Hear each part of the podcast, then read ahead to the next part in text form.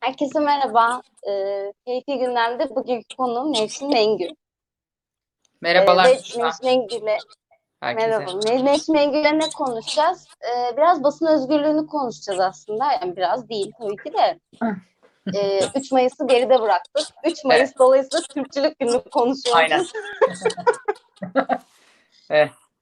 Ee, 3 Mayıs Dünya e, Basın Özgürlüğü Günü'nü geride bıraktık. Ee, ve Türkiye'de basında hangi durumdayız? Alternatif basını mı tercih ediyorsunuz siz? Ana akım basını yani yeni ana akım dediğimiz e, basın organlarından mı alıyorsunuz haberi? Biraz bunları seçmeye çalışacağız. Hoş geldin tekrar Nevşin. Merhabalar Büşra'cığım. Herkese merhabalar.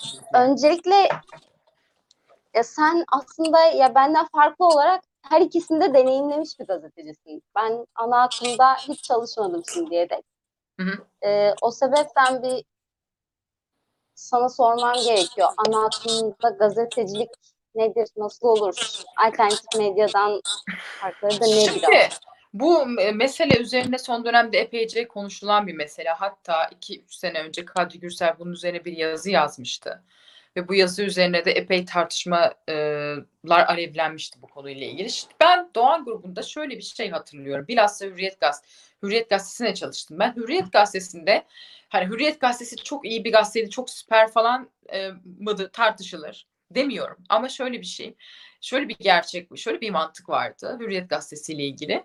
Bir tür süpermarkete e, benzetiliyordu Hürriyet Gazetesi. Öyle bir kurgu vardı. Yani bu süpermarketin içine girersin hani her türlü ürün olur ya yani. Herkese hitap eden ürün olur. Ne bileyim ben işte orada e, bir işte hayvan eti de olur. Ne bileyim vegan döner de olur ya. Yani basitleştirmeye çalışıyorum. Süpermarket böyle bir şeydir. Dolayısıyla e, aslında ben ana akımdan da böyle bir şey anlıyorum. Yani belki en sağdaki adamın da bir köşe yazdığı ama işte en soldaki en muhalif e, kişinin de köşe yazdığı falan ya da işte bu grubun televizyonlarında yayın yaptığı. Yani spektrumu görece hem sağındaki hem solundaki insanların kendilerini temsil edecek, kendilerini kendi sesleri olarak duyabileceği, e, algılayabileceği insanların fikirlerini söyleyebildiği ve fikir yazıları yazabildiği e, mecralar. Ha onun dışında tabii yani şimdi e, öyle bir döneme girdik ki aslında bu şey değil yani roket bilimi değil ya da bu bir beyin ameliyatı değil. Neyin haber olduğu basit. Yani haberin ne olduğu basit değil mi? Yani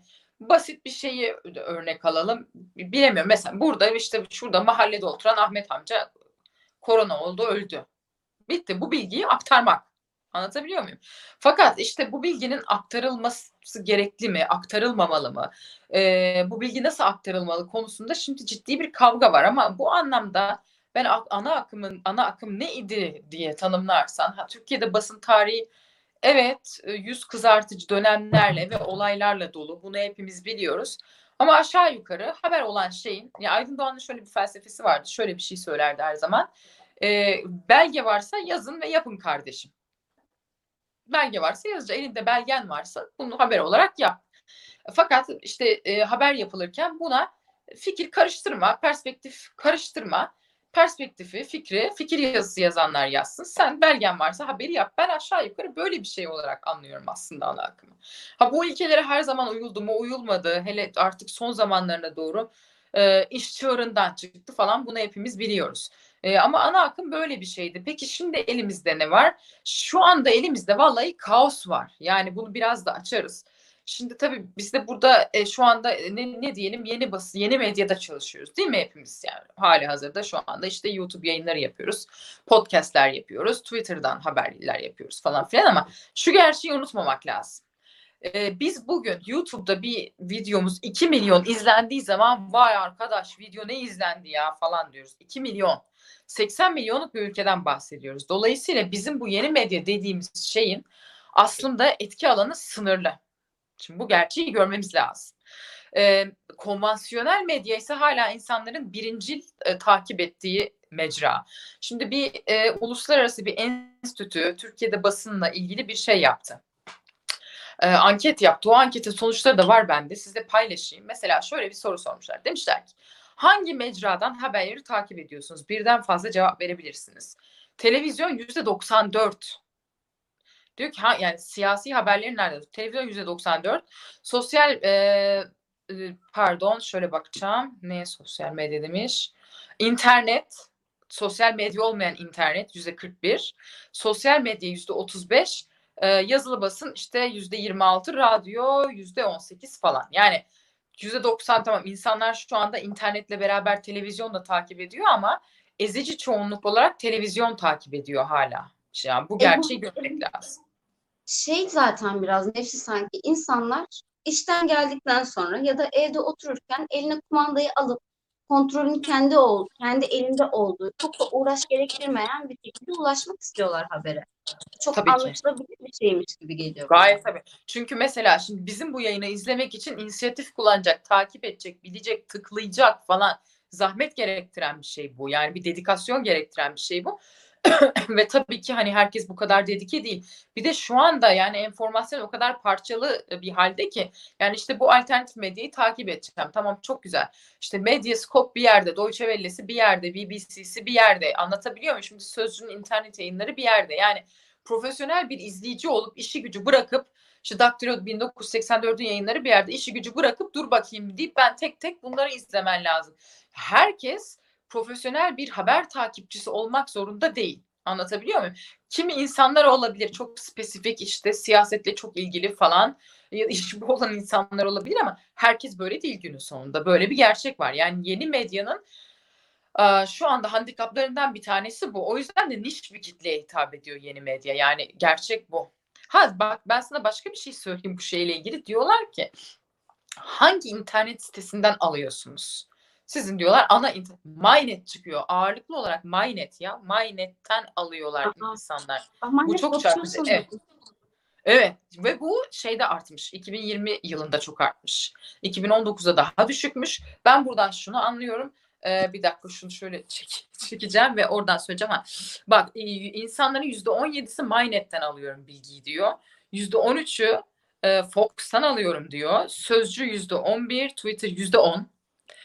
Ee, en son haber %9, en son haber de arttırmış son dönemde.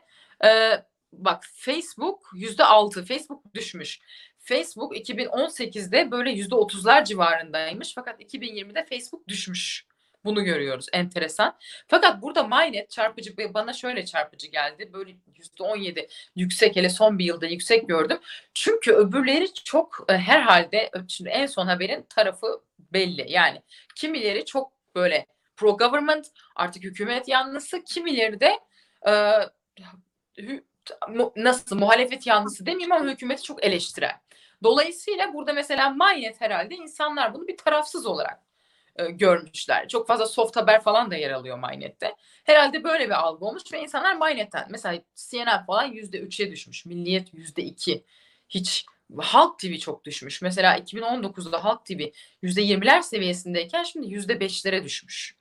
Bu güvenilir bir anket olduğu için paylaşıyorum. Hani bir şeyle yakınlıkları yok bunların herhangi bir grupla. Ee, şimdi tabii bu bize bir şey anlatıyor. Çok iki part yani bir yandan konvansiyonel medyayı açtığımız zaman bir yanda Fox News, Fox TV, Tele1.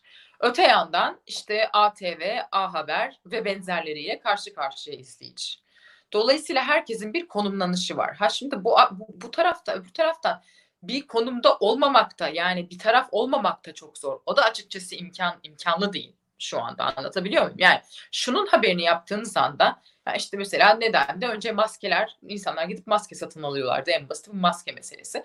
Daha sonra birdenbire bir karar alındı. Maske fiyatlarında spekülasyon oluyor. Bundan böyle maskeler satılamayacak. Efendime söyleyeyim e-Devlet'ten başvuru yapılacak, PTT'den alınacak dendi falan bir kaos ortaya çıktı. Gitti millet PTT önünde sıraya girdi. Şimdi bunun haberini yaptığınız anda bile iktidarın şimşeklerini üzerinize çekiyorsunuz. Çünkü şu anda iktidar e, artık şeyi kaybetmiş durumda, rasyoneliteyi kaybetmiş durumda.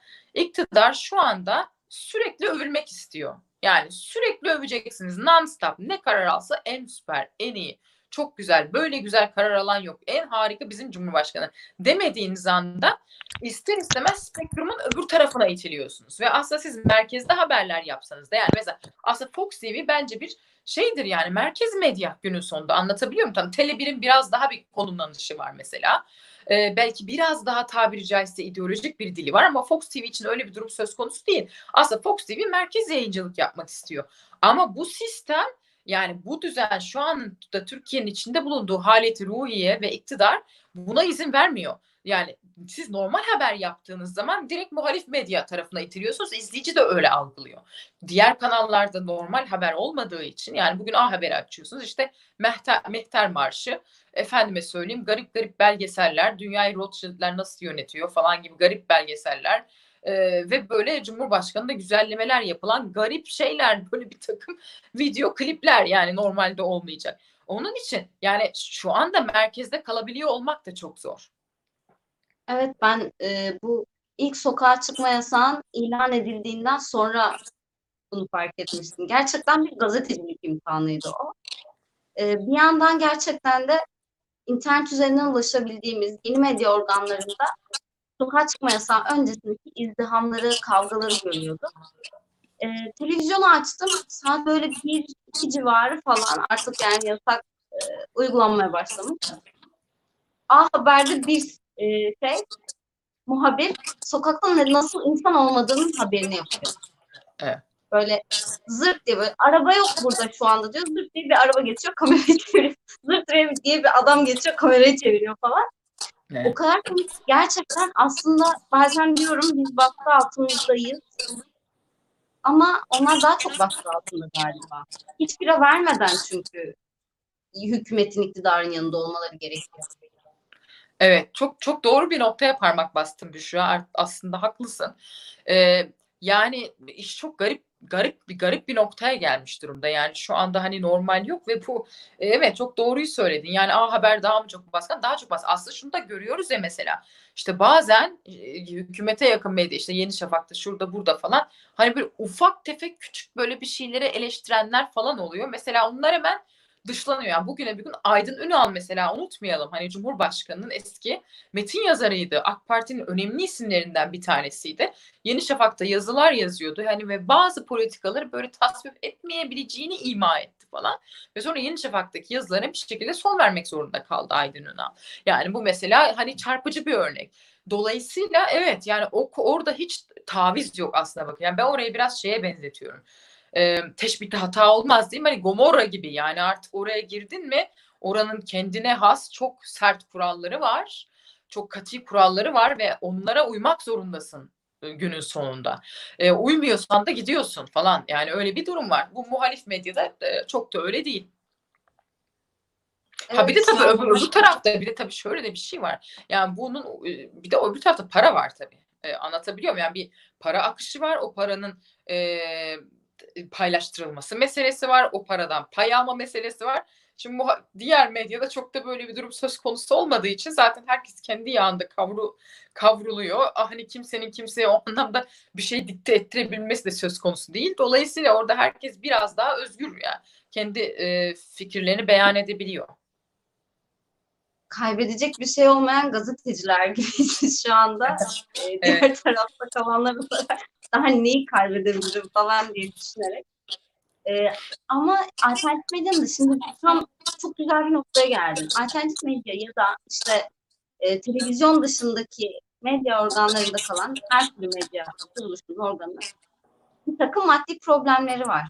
Çalışanları evet. da e, bir anlamda çok fazla fedakarlık yaparak bu kurumları ayakta tutuyor. Evet. Yani şöyle de bir şey var. Şöyle de bir şeye dönüştü tabii. Böyle gazetecilik sanki bir hobi veya bir dava. Yani sen işte gazeteciysen e, bu yeni medyada böyle bir artık davanın neferisin e, ve onu gönüllü yapmalısın falan gibi bir algı var. Halbuki sonuçta gazetecilik dediğimiz şeyde insanlara bilgi götürme yani haber haber götürme bir şey oluyor e, ve ben olan şeyi insanlara aktarıyorum. Benim işim bu. Yani işim bu. Ben dişi güç bütün gün oturuyorum. Ne bileyim meclis oturumunu izliyorum. Meclis oturumunda şu oldu, şu oldu, şu oldu diye insanlara aktarıyorum. Çünkü herkes meclis oturumunu izlemez. Niye izlesin? İnsanların işi var, gücü var. Mesela mecliste bütçe görüşmesi var. Orada her bir milletvekilinin izlediğini, söylediğini e, dinlerim ben. Not ederim, analiz ederim. Bu benim işimdir. Bu profesyonel bir iştir. Doktorluk gibi, avukatlık gibi, mühendislik gibi. Yani nasıl doktora gittiğin zaman ya bu vizite bedava olsun doktor bey diyor musun? Demiyorsun. Öyle bir şey yok. Dolayısıyla gazetecilik de böyle bir meslek. Yani hani bu da bir böyle dava neferliği, bir bayraktarlık falan işi değil. Bir de bunu böyle algılanması söz konusu. Hani ana akım neydi? Aslında ana akım biraz da bu. Yani bu işi profesyonel olarak yapma meselesi. Bunu çok kullanırım ben e, örneklerde. Amatör, mesela amatör sözcüğü amordan geliyor. Bir şeyi sevdiği için yapmak. Severek tamam biz de bunu seviyoruz ama günün sonunda bu bizim işimiz. Bunu kimse bedava yapmak zorunda değil. E, fakat tabii işte öte yandan bu dijital devrimin ol, olmasıyla beraber bu tüm dünyada da e, şimdi e, aslında medya bir, bir anlamda bir kriz yaşıyor bir tarafıyla.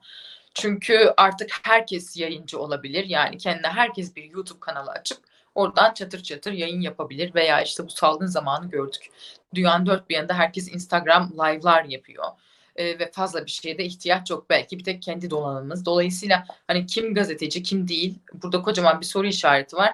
Aslında bunu uluslararası basın kuruluşları sonuçta yayıncılık yapan, haber aktaran herkes gazetecidir kardeşim diyorlar. Yani sen bloggersan da gazetecisin. Instagram live da yapıyorsan da e, buna bu işe baş koyduysan da gazetecisin. E, şimdi işte her her yerden sürekli yapılan herkesin yaptığı yayıncılık söz konusu ve öte yandan da işte ana akım yayıncılarla öbürlerinin farkı ne? Aslında geldiğimiz noktada bir farkı yok. Yani dolayısıyla böyle bir kaos içindeyiz e, işin bu yanıyla da. Büşra sesin gitti. Seni duymuyorum. Mikrofonunu kapatmışsın çünkü. Ha şimdi açtım. Ha, ha, tamam. Açın. Evet, yeni medyayla imtihanlı ee, yani biraz önce söylediğim konu aslında gerçekten de bir e, dava ve bir kavganın ülkede olarak yürülme. Hı hı. Ben mesela bununla ilgili en acayip şöyle bir şey e, hatırlıyorum. Bir bana şey demişti Twitter'dan. E, ben senin gibi kendim bir sigortaya satmadım. Ulan sigortamdan ne istiyorsun? Sadece o var elimde. Sağlık sigortası yani. yani ben kendimi sigortaya satmadım senin gibi falan. Böyle aldığın paradan utanır çekilir hale geliyorsun. Dolayısıyla pazarlık yapmaya da utanıyorsun. E, hürriyetten ayrılan, kovulanlardan bir arkadaş şöyle bir şey söylemişti. Ee, tabii ki bir sendikalaşma süreçleri var onların. Bir dava açıldı falan ve herkesin maaşı ortaya çıkıyor. Hı hı. Ee, kendiyle aynı işi yapan erkeğin yüzde elli oranında kendisinden daha fazla kazandığını söyledi. Evet. Bunun bir sebebi de aslında galiba bizim pazarlık yapamıyor olmamız. Yani ha, bak ben, ben şey sana bir şey söyleyeceğim. Orada şöyle bir ben... şey var. Orada Türk özel sektörü aslında pek çok sektörde böyle hiç profesyonel değil. Hiçbir zaman kurumsal değildir. Türkiye'de özel sektör e, ailelerden mütevellit e, işte biraz daha böyle hani Anadolu kafası tamam mı? Bu en beyaz Türk denilen sektörde bile böyledir aşağı yukarı yani. Çok kurumsallaşmış hasbel kadar bir iki tane çıkar. Gerisinde işler böyle yürür ve dolayısıyla patronla arasını iyi tutan tamam mı? Yani e, patronla muhabbeti olan bilmem ne biraz network yapan biraz şirket içerisinde her böyle dedikodu taşıyan fazla maaş alır. Dolayısıyla bizde böyle bir şey var öyle değil mi? Bizi dinleyenler bunu çok iyi biliyor. Bu iş böyledir yani. Senin mesainin bir bölümü de iki yani diyelim ki günün iki saati de senin müdür genel müdüre efendime söyleyeyim bir takım dedikodu taşıma onlarla işte kahve içme kahve falı bakma falanla ait olması lazım. Yani iyi maaş istiyorsan bunu yapmak zorundasın. Bu Türk özel sektörünün acı gerçeğidir. Yani bu Türk kapitalizminin de acı gerçeğidir. Dolayısıyla bizde şey yoktur yani. E, performans değerlendirmesi. Ya kardeşim bu da iyi çalışıyor. Neye göre iyi çalışıyor? O senin iyi çalışıyor. İşte müdür seni seviyorsa falan. Bir de böyle bizde şey var ya bir takım garip duygusal bağlar her şeyi ona göre değerlendiriyoruz falan. Hiç özel sektör çalışma biçimi de böyle. Seviyorsa müdür seni iyi maaş alıyorsun falan. Sevmiyorsa almıyorsun gibi böyle bir düzen var. O şeyde de vardı tabii ki yani Doğan grubunda da vardı. Bana çok ilginç gelmişti. Mesela anlattığı zaman ben e, direkt şunu bu arada benim kulaklığımda bir sorun var. Ben konuşurken kulaklığım Ama mikrofonu kullanabilmek için. tamam peki. Duyamıyorum çünkü. Ee, şöyle aslında e, o bana anlatınca düşündüm. Dedim ki ya ben hayatımda hiç kimseyle pazarlık etmedim. Para vermeyeceğiz dediler okey dedim. Şu kadar para vereceğiz dediler ona da okey dedim. Evet. Artırmıyoruz dediler ona da okey dedim. Yani dolayısıyla ben böyle çok e, hatta şey hatırlıyorum. İlk gazetecilikten kazandığım para bir haberin telifiydi. Ve ben telif alacağımı bilmeden haber yaptım. Ve bayağı 20 e, saat deşifre dinlediğim bir haberdi. Ve böyle bir iki hafta sonra haber çıktıktan bir iki hafta sonra bana para vereceklerini söylediler. Ben şok oldum. Ben para mı vereceksiniz gerçekten diye böyle. Ama Evet. 5 aydır gazetecilik sıfır para kazanmışım yani o zaman. Evet. E, o şey yaparak aslında e, karşılaştırarak düşündüm. Yani kadınlar acaba pazarlık mı yapmıyor diye. Erkekler çünkü uzun yıllardır iş hayatının içerisinde ve Yani çok kendilerine erkek değil de değer de. Bu, bu işi biraz çözme, biraz yaş. Hani sen çok genç olduğun için yani ben de genç yaştayken çok başıma bir yerde çalışıyorum çok kuş kadar maaşa. Söylüyorum müdüre ya acaba bir zam yapabilir miyiz? Maaşım çok az. Yok falan diyor müdür. O zaman ben de başka iş aramaya yani genelde öyle ol. Başka iş arıyorum bir yandan. Ne yapayım yani bu işletme para ver yalvaracak halim yok. Mesela başka iş bulup giderken e niye gidiyorsun? E, Zam yapardık biz sana diyor mesela. Kardeşim ben sana insan gibi söyledim. Anlatabiliyor? Ya mesela ben bu süreçte Almanlarla çalışırken Deutsche Welle ile çok rahat ettim. Anlatabiliyor muyum? Çünkü öyle bir sistem yok. Yok müdürü sevdin de müdürle kahve içtin bilmem ne falan. Öyle bir şey yok. Her işin raici belli. Neyse 5 euro mu 100 euro mu 150 euro mu belli. Çat çat çat herkes parasını alıyor. Bitti gitti bu kadar. Öbürü bilmem ne yaptı da işte oradan mı fazla para aldı falan. Ee, öyle öyle bir şey yok. Yani tabii keşke bizde aslında bizde de yani bak bu şeyi anlatıyor bize. Bizim memlekette niye işler e, Almanya gibi beğen beğenme tıkır tıkır işlemiyor. Bu yüzden işte yani kural, kaide şey belli yani Almanlarda BMD kuruluşu olarak değiştiriyorum. A, B belli yani biz işte heriflerin yönetmeninde bir A, bir B ne ne olacak belli. Bizde böyle bir şey yok. Yani herkesin gönlüne göre oldu- olduğu için maalesef böyle bir büyük bir kriz var. Ha ama işin öbür tarafında hakikaten de şu anda yeni medyanın para kazanması da zor. Çünkü neden? Çünkü işte az önce söylediğim gibi bir kere çok mecra var. Yani çok fazla mecra var. Herkes e, iyi kötü bir YouTube kanalı sahibi. Ve dolayısıyla herkes bu pastadan bir pasta var çok da büyük olmayan bir pasta. Bu pastadan pay almak için yarışıyor. Hem pasta büyük değil hem de şöyle bir çekince var. Yani bugüne bugün biliyoruz biz bunu Cumhuriyet Gazetesi çalışanlarından, eski yöneticilerinden de öğrendik bir dönem. Cumhuriyet Gazetesi'ne reklam veren şirketler saraydan aranıyorlardı ve niçin buraya reklam verdiniz diye sorgulanıyorlardı. Şimdi dolayısıyla burada bir de e, işletmelerin gönüllerine göre reklam verememeleri söz konusu. Bir de böyle bir gerçek var. Yani hem pasta küçük hem o pastadan pay isteyen büyük hem de o pastadan pay adil dağıtılmıyor. Yani sen bugün bir iş insanıysan zaten Türkiye'nin de piyasanın çapı belli. Türkiye'de piyasa nedir ki? Sen devletten iş alamadıktan sonra ne kadar iş yapabilirsin Türkiye'de? Yok ki öyle bir şey yani. Bizim şeyimiz belli, çapımız belli. Devlette yolun kesece, kesişecek. Yol devlette bir iş yapmak zorundasın. Böyle. Ee, e, e, bunun için de sen devleti karşına almayı göze alamıyorsun. Bir işveren olarak, bir işletme olarak. Yani Türkiye'de basının çıkması budur. Onun için bizde belki e, büyük Avrupa ülkelerinde olduğu gibi ya da Amerika'da olduğu gibi mesela Amerika'da işte bu Young Turks, genç Türkler diye bir yani YouTube nedir bilinmezken adamlar YouTube'da yayın yapmaya başladılar. E, böyle demokrat eğilimli bir genç bir ekip. E, ve sonra büyüdüler, büyüdüler, büyük bir marka oldular falan. Ama işte oranın koşullarıyla maalesef buranın koşulları bir değil. Ya evet e, işte zaten buradaki mesele de biraz şey devletle bağının olmaması bir yandan devletin desteği yok zaten.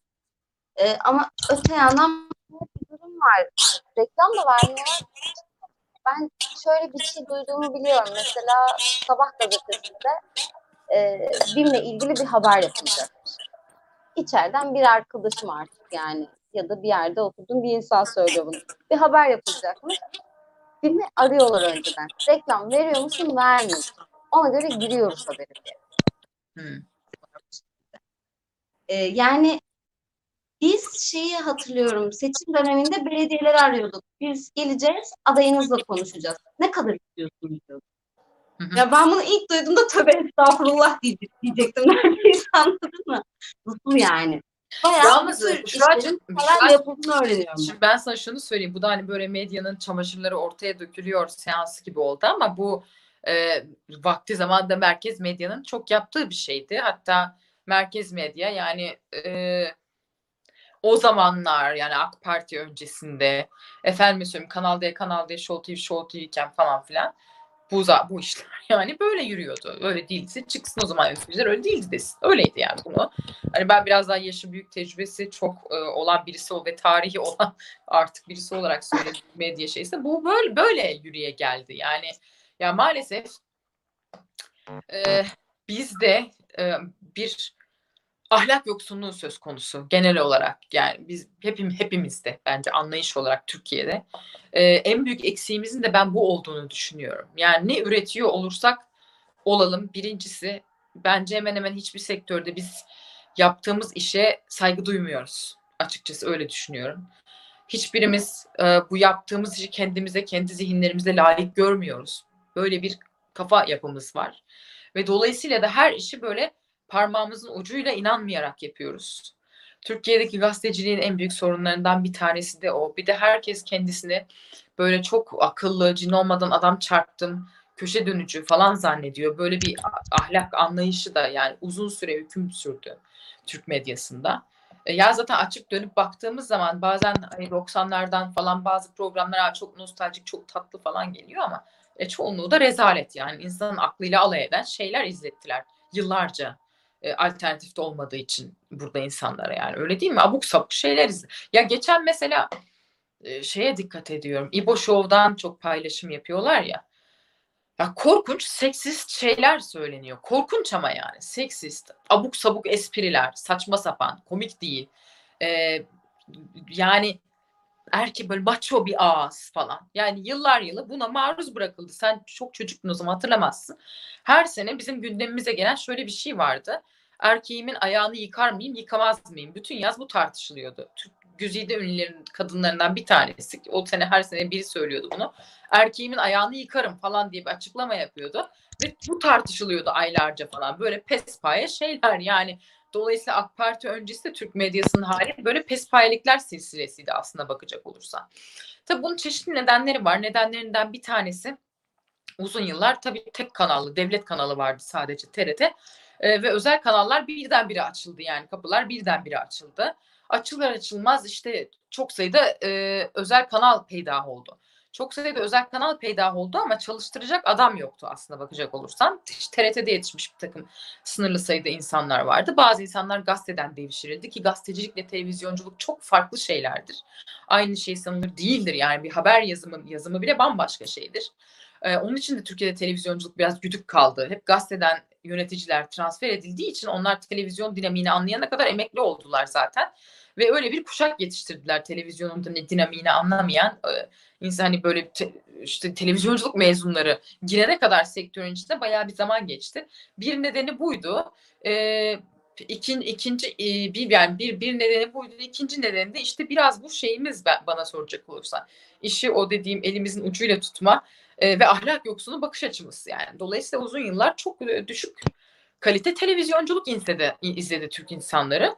E şimdi de işte o ekolün e, bir başka çehresini e, hep beraber ta- hep çehresine hep beraber tanık oluyoruz Türk televizyonculuğunda. Evet, e, aslında gelen sorun yani gelen e, sorular da var da Hı hı. e, benim bağlantımı da söylüyorsunuz. Bağlantı muhtemelen sorunludur. Çünkü bilmiyorum yani bir şekilde bir altyapı sorunu varmış burada. Ben buraya baktayım bu arada arkadaşlar. e, gazetecilerin e, hap- hapse girmesi, tutuklu olması özellikle bu süreçte yani bir infaz paketi Hı hı. e, ortaya atıldı. İnsanlar işte yani bayağı şiddet faili erkekler çıktı ve hala erken evlilikler için görüşüldüğü, bunun ciddiye alındığı söyleniyor. Hı hı. E, ancak gazeteciler halen tutuklu. Yani şiddete ulaşmamış gazetecilerden bahsediyoruz, barışlardan bahsediyoruz. En son onlar cezaevine girmişti. Evet. E, Bununla ilgili ne düşünüyorsun? Yani burada iktidarın da gazeteciler birçok son, son derece için evet. Burada iktidarın son Son derece rövanşist, rövanşist bir bakış açısı söz konusu. Bütün bu gazeteciler işte Barış Terkoğlu, Barış Pehlivan, Murat Ağrel e, bu gazeteci arkadaşlarımız Libya'da e, şehit olan e, MİT mensubunun cenazesini haberleştirdiler. Onunla ilgili yazdılar, çizdiler. E, ve bu nedenle MİT kanunu ihlal ettikleri gerekçesiyle tutuklu yargılandıkları söyleniyor. Halbuki söz konusu MİT mensubunun yaşamını yitirdiğini, şehit olduğunu İyi Parti milletvekili Ümit Özdağ Türkiye Büyük Millet Meclisi'nde yaptığı konuşmada söylemişti şehidin adını da anarak ve başsağlığı dilemişti. Dolayısıyla bu gizli bir bilgi değildi. Ben bu ilk haber bu olay ilk oldu bak döndüm baktım aynı zamanda. Ee, İngiliz basını e, ölen bir MI5 ajanının haberini yapmış vakti zamanında ismini vererek ve e, vefat eden CIA ajanlarının haberi yapılmış ve bununla ilgili içeri atılmış bir gazeteci yok. Burada yani bilmiyorum belki tesadüf mü? Fakat bütün bu gazeteciler bu pelikan denilen yapılanmanın üzerine gidiyorlardı ve bununla ilgili son dönemde yazıyorlar, çiziyorlardı. Acaba tutuklanmaları bununla mı ilgili onu bilmiyorum ama burada belli ki rövanşist bir bakış açısı var. Yani şu bile oldu bu gazetecilerle ilgili. Bu gazetecilerin tutukluluğunun, tutukluluğunun devamına ilişkin yapılan duruşma avukatlara haber verilmeden yapıldı 2 Mayıs günü. Yani bu kişiler mahkemeye çağrıldılar. Avukatlarına e, avukatlarına haber verilmedi. Kendi kendilerine mahkemeye gittiler. Bu aslında e, usule aykırı. Yani anlatabiliyor muyum? E, burada yani bu burada bir tamamıyla bir hukuk dışılık söz konusu. E, e, ve bu insanların müthiş bir haksızlığa uğramaları durumu söz konusu. E, ve burada da herhalde bu MIT e, mensubunun cenazesini haberleştirmelerinin bir bahane olduğunu anlıyoruz ya da hani öyle akıl yürütüyorum ben herhalde bir bahane E, ve bu insanlar içerideler. Bu çok üzücü. Bir de zaten işte Osman Kavala olayında da görüyoruz. Dönüp baktığın zaman yani bu ülkede gerçekten hakimler var mı? Bu ülkede mahkemeler var mı? Bilmiyorum. Ben var demekte zorlanıyorum açıkçası. Evet Osman Kavala olayındaki e, olaya yani beraat kararını veren gezi mahkumlarıyla ilgili beraat kararını veren hakimler, savcılar zaten alelacele açığa alınlar, soruşturma geçiriyorlar bildiğim kadarıyla. Evet. Yani olamıyor da. Zaten yok. Varsa da olamıyor yani. Gördüğümüz kadarıyla zaten bu şekilde şu an Türkiye'deki adalet sistemi. Ee, biri şöyle bir soru sormuş. Yani bu COVID-19 sürecinin e, yeni medyayı güçlendirebileceğine dair böyle bir yorum bekliyor senden. Çünkü şu an herkes mecburen yeni medya araçlarını kullanmaya Hı hı, e, çalışıyor. Yani bu geçici bir şey mi diye. Bilmiyorum. Ben mesela şu an şunu bilmiyorum yani. O kadar zorlanıyoruz ki evden yayın yapmakta. Evet. Daha artık telefonla veya bilgisayarla yayına bağlanma gibi bir şey kalmayacak galiba. Evet. Neredeyse Tuzla'daysa Tuzla'ya kadar gidecekmişiz gibi geliyor ama sen ne düşünüyorsun? Ya evet şimdi tamam doğru çünkü insanlar e, en azından bu e, yeni medya mecralarını takip eden insanlar konvansiyonel medyada verilen bilgileri güvenilir bulmuyorlar anlaşılan. Şu Avrasya Anket böyle bir şey yayınladı. E, a- diyor ki işte insanların neredeyse %70'i verilen rakamların doğru olduğuna inanmıyor diyor Avrasya Anket bilmiyorum. Ve dolayısıyla insanlar verilen bilgilere orada şüpheci bakıyor olabilir konvansiyonel medyada ve biraz daha belki işte Twitter'da, Facebook'ta vesairede bilgi arıyorlar. Fakat işte burada da bak öyle bir kaotik bir durum var ki hele şimdi ben bu salgının başında annemlerin yanına gelmiştim. Annemlerle kalıyorum epeydir. Apayrı bir yani ben Facebook kullanmıyorum normalde. Fakat apayrı bir Facebook dünyası olduğuna tanık oldum. Yani şimdi çok ilginç. Mesela bu salgının başlarında şöyle bir işte Facebook postu. İşte bir takım açıklamalar ne bileyim Ankara'da Ayaş e, ko- koronanın en salgın olduğu yermiş falan gibi böyle bir açıklama ve işte Sağlık Bakanı'nın resmi konmuş. Altında böyle bir açıklama yazılmış falan. Annem işte dedi bak haber çıkmış en fazla Ankara'daymış falan. Anne bu post sahte muhtemelen dedim. Niye sahte olsun evladım? Bak Sağlık Bakanı'nın resmi var diyor. Anlatabiliyor muyum? Çünkü hani başka bir jenerasyon sonunda onlar ba- başka bir şeyden gelmişler. Sağlık Bakanı'nın resmi var ya yanlış olabilir mi diyor. Yani mesela en son şu şey olayı e, Gürüşken ailesi olayı İsveç'ten getirilen meşhur işte hasta mı değil mi falan. E, şimdi bak burada aslında biz e, alternatif medya organlarında çok büyük yanlış yaptığını, manipülasyon yaptığını gördük. Mesela işte o Gülüşken'e ait Baba Gülüşken'e ait bir fotoğraf hastane yatağında uzanıyor falan. Şimdi o fotoğraf İsveç'teki yeni bir fotoğraf. 2020'ye ait bir fotoğraf gibi lanse edildi ve insanlar küfür falan ettiler Gülüşken ailesine, ailesine onun üzerine. Halbuki adamın e, Facebook'una girdiğin zaman o fotoğrafın 2014'e ait olduğunu görüyorsun. Yani dolayısıyla bu işte alternatif medya dediğimiz o da ne kadar güvenilir belli değil. Yani bir yerden bir post çıkıyor ve o böyle RT'lenerek, RT'lenerek falan biraz da insanlar inanmak istedikleri şeylere mi inanıyorlar artık nedir bilmiyorum. RT'lene, RT'lene büyüyor böyle bir fact haline geliyor. Ama bir fact değil anlatabiliyor muyum? Ya da işte adam bir arabanın önünde fotoğraf çektirmiş falan milyardermiş bu gülüşken falan diye paylaşla paylaşla gelmeye başladı. Halbuki değil öyle bir arabanın önünde adam fotoğraf çek. Yani bu Türkiye'nin bu operasyonu yapması çok harikadır, büyüklüğünü gösterir falan demiyorum. İşte biraz da yani hakikaten böyle bir e, hakkaniyetli pozisyon almak da gitgide zorlaşıyor. Çünkü bir şey söylediğin zaman bu sefer ha bak sen de hükümetçi mi oldun falan deniyor. Hayır. Şimdi sonuçta belli ki bu e, baba gülüşken rahatsızlanmış ve İsveç'in korona hastalığıyla ilgili politikası daha değişik yani. İsveç e, ciğerlerinde çok ciddi sıkıntı olmadıktan sonra insanları hastanede yatırmıyor. Tamam kardeşim ciğerinde sıkıntı yoksa git evinde geçir kendi kendine karantinaya gir diyor. Bu böyle hatta bunu şeyde de mevzuyu çok dağıtmış olmayayım ama Avrupa ülkelerinde malum e, antibiyotik de verilmez. Çok zor verilir ya. E, rahmetli amcam bir dış ticaret ateşesi olarak Brüksel'e atandığında uzun yıllar Brüksel'de kaldı. Çok ağır sigara içtiği için çok da fazla hasta oluyordu. Mesela en büyük sıkıntısı oydu. Kardeşim burada doktorlar bir antibiyotik vermiyor diyor. Vermiyor çünkü oranın regülasyonları o şekilde. Hani dolayısıyla Türkiye'ye çok böyle Türkiye'de çok haberi yapıldı işte ilaç bile vermemişler falan. Hani Avrupalılar daha farklı bakıyorlar bu meseleye. Öyle zırt pırt antibiyotik vermek istemiyorlar. Türkiye daha farklı uyguluyor falan. Her neyse yani bu gülüşken olayında da adam gitmiş hastaneye demişler ki birader senin durumun çok ağır değil git evinde yat biz çok ağırları hastanede yatırıyoruz demişler. Tamam Türkiye'de orada bir inisiyatif aldı kızının çağrısı üzerine. Belli ki hükümet de bu işi biraz PR için kullanmak istedi. Uçaklar yollandı falan filan. Baba Gülüşken Türkiye'ye getirildi. Sonra da işte burada ciğer tetkikleri yapılmış. Şu ağır bir şey çıkmamış falan filan. Ama şimdi ikisi de değil. Yani ne böyle hashtagler yapılıp ülkemle gurur duyuyorum. Yani bir taraf kendi yerden yere atıyor. Ülkemle gurur duyuyorum. Ay ne süper falan diye. Hani o konuyla ilgili de güzel bir tweet'i Mehmet Aslan atmıştı İyi Parti milletvekili. Ya kardeşim diyor özel uçak yollamış aldı bunun neyi zor diyor. Hava sahası mı kapalı uçakların mı vuruluyor? Böyle bir durum yok. Açık uçak sahası İsveç iyi kardeşim siz bilirsiniz diyor. Gidiyorsun alıyorsun getiriyorsun tedavi ediyorsun. Ama bu sefer öbür tarafın dediği gibi de değil. Anlatabiliyor muyum? Yani zaten hastanede yatıyordu da işte çok zengindi de falan o da değil yani. O da değil o da değil. Dolayısıyla e, korona döneminde ne oldu? Biraz daha ilgi biraz daha ilgi arttı mı? E, alternatif medyaya, yeni medyaya arttı belki ama şöyle bir eğilim var insanlarda. İnsanlar aslında benim gördüğüm mesela Twitter'dan, Facebook'tan e, hatta konvansiyonel medya organlarından da kendi e, düşündükleri şeyin teyit edilmesini istiyorlar. Bunun için takip ediyorlar. Bir şey düşünüyor ve onun teyit edilmesini istiyor. Yani bu hükümetten nefret ediyorsa aç o televizyon kanalı veya o Twitter hesabı sabah akşam hükümete saydırsın istiyor. Ya da bu hükümeti destekliyorsa o televizyon kanalı sabah akşam işte hükümete övsün istiyor. Yani enteresan yine şeyden aileden örnek vereceğim. Mesela diyelim şimdi Fox TV izliyor tabii ki yani CHP yakın aileler vesaire. Diyelim Fox TV işte bir haber veriyor ve diyor ki ya hükümet burada doğru yapmış dediği zaman Mesela onu görüyorum işte babamların bu WhatsApp gruplarında, Facebook gruplarında falan. Aa işte gördün mü Fox TV iyi korkutmuşlar diyorlar mesela.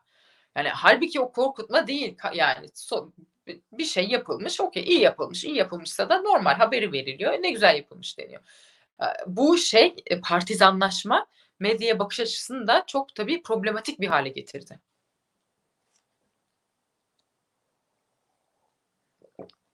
Mikrofonun kapalı Büşra açman lazım.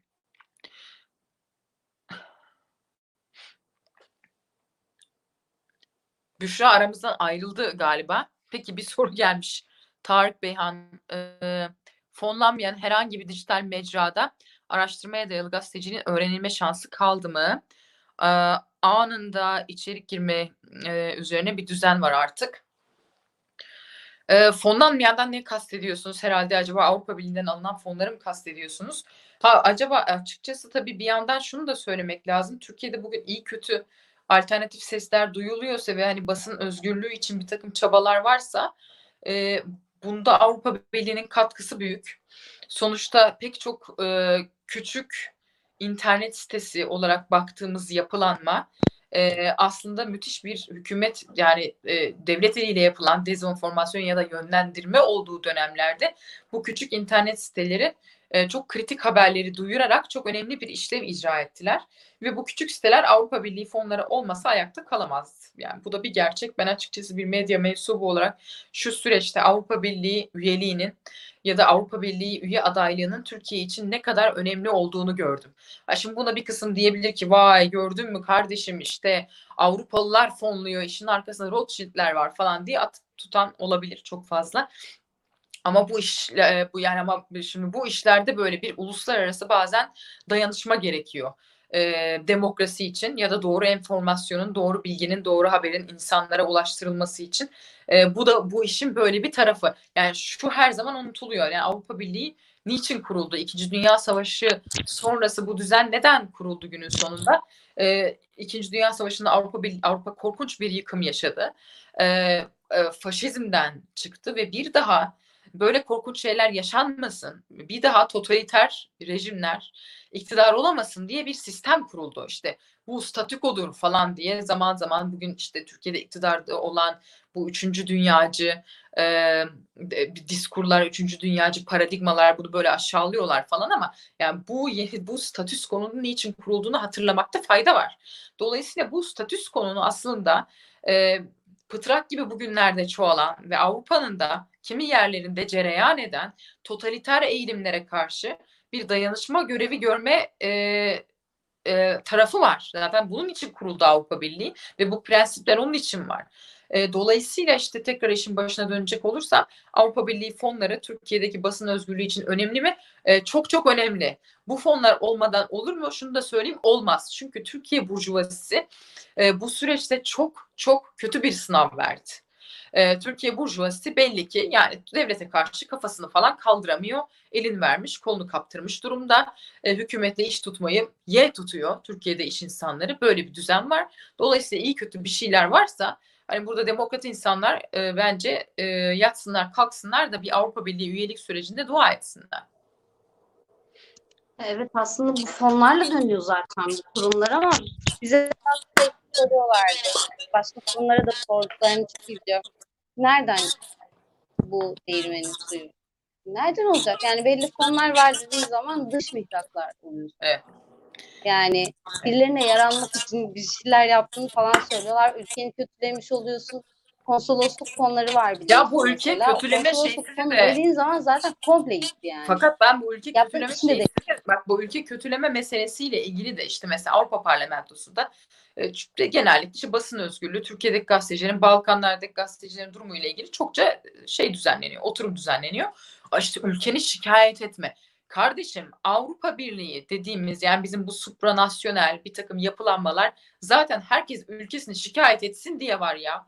Bu bir kompleks. Türk insanındaki bir kompleks. Hani sanıyor ki millet Belçikalı gazeteci ülkesinden yakılmıyor sanıyor falan. Bu yapılanmalar onun için var zaten. Gideceksin sen ülkendeki doğru gitmeyen şeyler üzerine konuşacaksın ve bir ortak akılla bir çözüm bulacaksın. Bunlar bunun için var. Bunu bir kompleks haline getirmeye gerek yok ki. Yani bu da bir üçüncü dünya kafası ama tabii Türkiye bilhassa 2013'ten sonra bu üçüncü dünyacılık tarafına çok sert bir geçiş yaptı Gezi'den sonra. İşte iktidar mekanizmasının korkmaya başlamasıyla belli ki e, ve hani şöyle bir hisse kapıldı ben öyle anlıyorum Gezi'den sonra Türkiye'deki iktidar mekanizması. Ya bak bu Avrupalılar ne yaparsak yapalım bizi beğenmiyorlar arkadaş. Bak döndüler bize diktatör dediler deyip oradan bir kopuş işte zaman zaman Avrasyacılığa zaman zaman işte Şavezizme savrılan, savrulan bir üçüncü dünyacı paradigma şu anda Türkiye'de egemen söz konusu ve tabii ki aslında bunun zaten kökleri vardı Türkiye'de. Hani e, Türkiye'de kamuoyu da bu tarafa kaymaya biraz teşne. E, böyle bir altyapı da var e, ve tamamıyla Türkiye'de bunun e, hakim olduğunu görüyoruz. Fakat işte burada Avrupa Birliği nedir? Supranasyonel örgütler ne yaparlar? Bunun bir rasyonel değerlendirmesinin de olamadığını görüyoruz bir yandan. Ya evet aslında bu e, biri söylemiş e, Ozan Şamiloğlu. Fonlar sadece gazetecilere verilme göçmenler için eğitim aday için. Yani bu bir sürü proje için fonlar verilebiliyor bu arada. Gayet Sadece bunun için değil. Gayet. Yani e, Hayır yani bunu Türkiye'deki bakanlıklar da alıyor kardeşim. Kültür Bakanlığı da gidiyor fon alıyor Avrupa Birliği'nden. Yani anlatabiliyor muyum? Evet Ozan Şamiloğlu en çok soru soran galiba bu arada. Evet Yani Ozan Şamiloğlu sormuş. Deutsche Welle'deyken de Deutsche Welle'deyken de çok yakından takip ederdi. Ozan Bey selamlar demiş olalım kendisine bu, bu vesile. Hayranlıyım. Estağfurullah. MHP sosyal medya kimlik bilgileriyle girilsin diye teklif verdi. Bunlar sosyal medyadaki haber akışı kontrolü mü var sizce? Evet bir de böyle bir konu var. Evet. Ya ben onu e, imkansız. Şimdi neden?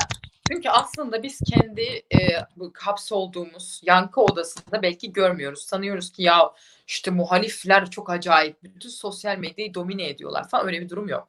Aslında iktidar bu işe çok ciddi para harcıyor. Ve baktığın zaman işte TT olan hashtaglere bak. Ya da biraz kendi yankı odandan çık. Karşı tarafa bak. Aslında e, ben iktidarın troller vesaire, e, botlar, troller e, ve bir takım medya iletişim ajansları stratejileri doğrultusunda sosyal medyayı domine ettiğini görüyorum. Bence bugün iktidar yanları daha güçlü sosyal medyada ve hatta bundan ciddi para yapan, ekmek parası kazanan insanlar var. Yani bir takım bunlara medya strateji ajansları deniyor. Bu ajanslar gidiyorlar bakanlıklara vesaire işte bakanım şöyle bir proje yapalım size diyorlar. O çok işte şunu şunu şunu TT yaparız sayın bakanım diyorlar. Bakanın çok hoşuna gidiyor falan.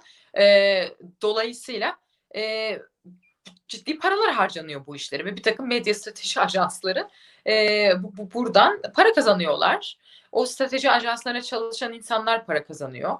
E, mesela böyle bir haber var. E, biliyorsunuz yapıldı Çin Çinlilerin Çin devletinin yönettiği troll fabrikaları. 5 sente birer tweet atan insanlar. Böyle Rusya'nın var troll fabrikaları Balkanlarda bunu bunu biliyoruz. E, burada da buna benzer çok benzer bir yapı var. Yani MHP'nin bu önerisi bence havada kalır. Çünkü bu öneri asıl döner iktidarı topuğundan vurur. Çünkü bugün işte anonim hesap öyle e, enteresan şeyler paylaşan, çok takip edilen işte muhalif diyebileceğimiz iktidar yanlısı olmayan 3-5 hesap, hesap varsa iktidar yanlısı böyle e, yüz binlerce hesaptan bahsediyoruz. Dolayısıyla o önerinin ben havada kalacağını düşünüyorum. Evet o, ben de bunu duyduğum zaman direkt aklıma o geldi açıkçası. Zaten uzun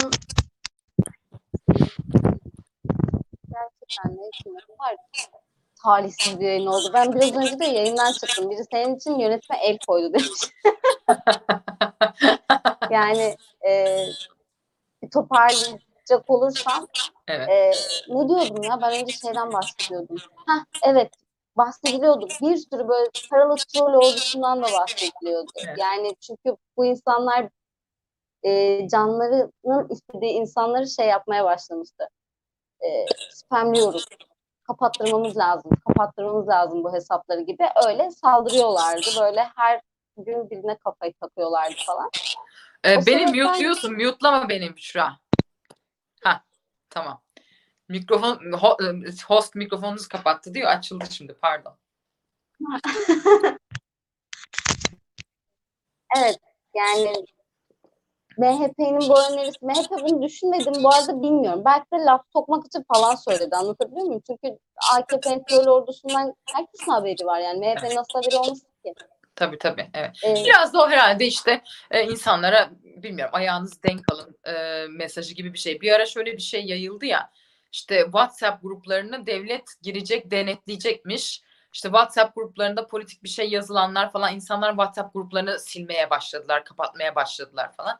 Hani onu bir anlatmak bayağı bir sürü. Ya kardeşim bu WhatsApp kriptolu bir yazışma. Öyle nasıl devlet girecek de ayrıca bu ülkede yani 80 milyon insan var. 80 milyon insan varsa herhalde ki biz WhatsApp gruplarında çok seven bir milletiz. Milyar tane falan WhatsApp grubu vardır. Yani bunun için ülkenin yarısını MIT'te falan istihdam edip tek tek bütün WhatsApp gruplarını kontrol etmek istiyorsan ülkenin yarısını işe alıp kontrol ettirmen lazım. Yani şu Tazi gibi acayip garabet bir örgüt kurman lazım. Ama insanlar korktular bundan ve insanlar hakikaten WhatsApp gruplarını kapattı, sildi falan böyle şeyler oldu bir yandan yani. Dolayısıyla e, biraz ürkütmek açısından insanları bu işe yarıyor. Sen onu hatırlamazsın. Bu Ergenekon balyoz operasyonları patladığı zaman bu iddianameler ortaya çıkıyordu. Dalga dalgaydı o ve her dalganın iddianamesi vardı. E, genellikle o Fethullahçı organizasyonun taktiği şuydu. Çok uzun iddianameler yayınlıyorlardı ki hani insanların içinden çıkamasın. Binlerce sayfa iddianame, binlerce sayfa da ek iddianame oluyordu. O ek iddianamelerde işte yaptıkları telefon dinlemelerinin detayları olurdu. Ya acayip detaylar ne bileyim senin ben benim senle yaptığım dedikodu falan da olurdu orada. Arkadaşlar falan birbirine düştü yani. Çünkü bütün telefon konuşmaların hepsini koymuşlar. Şimdi o dönem insanlarda şey paranoyası başlamıştı. Dinleniyorum paranoyası. Herkes dinlendiğini dinlendiğine inanmaya başlamıştı yani. İşte sokakta simit satan bir vatandaş da beni arama abi telefondan dinleniyorum ben diyordu. Anlatabiliyor muyum? Yani böyle bir hava gelmişti insanların üzerine. Şimdi işte yine böyle bir hava bak. Ee, WhatsApp'ta takip ediliyor. Aman dikkat et. Ee, işte WhatsApp grubu da falan. Ee, böyle bir sindirme şeysi söz konusu. Ee, ve işe yarıyor mu? Yarıyor. İnsanları korkut, korkutuyor sonuçta. Evet yani aslında son süreçte bu koronanın da böyle dünyayı etkisi altına almasıyla beraber aslında biz böyle bir nevi o özgürlüklerden feragat mı ediyoruz? Bütün dünyada bu şeyler var çünkü. Bir takım uygulamalar var bununla ilgili. Seni takip ed seni takip edildiğin, kiminle konuştuğun, kiminle görüştüğüne dair. E, bu beni çok korkutuyor mesela. Yani geçen sene evde çekirdek çitleyip Black Mirror izlerken ben şu an böyle çay içerken Black Mirror'ın içindeymişim gibi hissediyorum ve çok geriliyorum bu konuda. Ya bir şey söyleyeceğim. Tabii tabii. Yani böyle olarak düşündürücü düşündürücü gelişmeler var ama bir gün bana bir şey demişti. İstihbarat bir istihbaratta çalışan bir arkadaş demişti ki e, istihbaratta demişti en önemli şey e, dinlemek değildir. Kimi dinleyeceğini bilmektir demişti. Kimi dinleyeceğini bileceksin. E, bu çok kritik bir şey. Çünkü milyarlarca insan var ve bu milyarlarca insanın her yaptığı aslında pek yani işine yaramaz devletin anlatabiliyor muyum? Yani burada asıl mesele odur ve asıl kaynak harcayan şey o. Kimi ne zaman dinleyeceksin meselesi. İşte orada uzmanlık ortaya çıkıyor. Ha bir yandan belki ürkmeli miyiz? Bilmiyorum. Belki ürkmeliyiz. Ama sanırım o kadar da fazla ürkmemeliyiz. Çünkü bu iş o kadar da basit değil. Yani dünyada hiçbir istihbarat örgütü yok ki milyonlarca insanı aynı anda işte takip etsin, izlesin falan. Bu acayip bir kere bir enerji sarfı. Bu bir kaynak sarfı. Yani bu işler o kadar da basit değil. Ha işte AI var falan, yapay zeka, şu bu, başka teknolojiler gelişebilir mi? Bilmiyorum. Yani onu izleyip göreceğiz. Korkmalı mıyız, korkmamalı mıyız? Fakat bu her tür bu tip gelişmenin bir antidodu da oluyor. Yani onu da unutmamak lazım. Evet. için çok teşekkür ederim. Sağ ol Büşra. Aa bak şu an sesim geliyor. Yayın bitti ve sesim de geliyor. Benim de sesim gidiyor galiba. Bu işler hep böyle olur. Hep böyle oluyor. Yani neyse. E, yayına katıldığın için çok teşekkür ediyorum. Yani çok ben keyif teşekkür aldım ederim. ben bu sohbetten. Biraz e, yayın izleyenler açısından sıkıntılı oldu galiba. Benim mikrofonum ya da sesim yankı yaptığı, bağlantım zayıf. Bunları böyle ara ara takip etmeye çalıştım ama onun için de özür diliyorum ama yapabileceğim bir şey yok yani. Ha. E, Neyse ilgili bugün basın özgürlüğünü konuştuk biraz. Ee, 3 Mayıs'ı geride bıraktık çünkü. Halen bu gazeteciler var ve halen gazeteciler baskı altında aslında. Yani pandemi sürecinde de gazetecilik yapmak isteyen insanlar halen e, baskılar, baskılarla karşılaşıyorlar. O sebepten e, önümüzdeki daha özgür bir basın dileyelim. Ve hoşça kalın diyelim.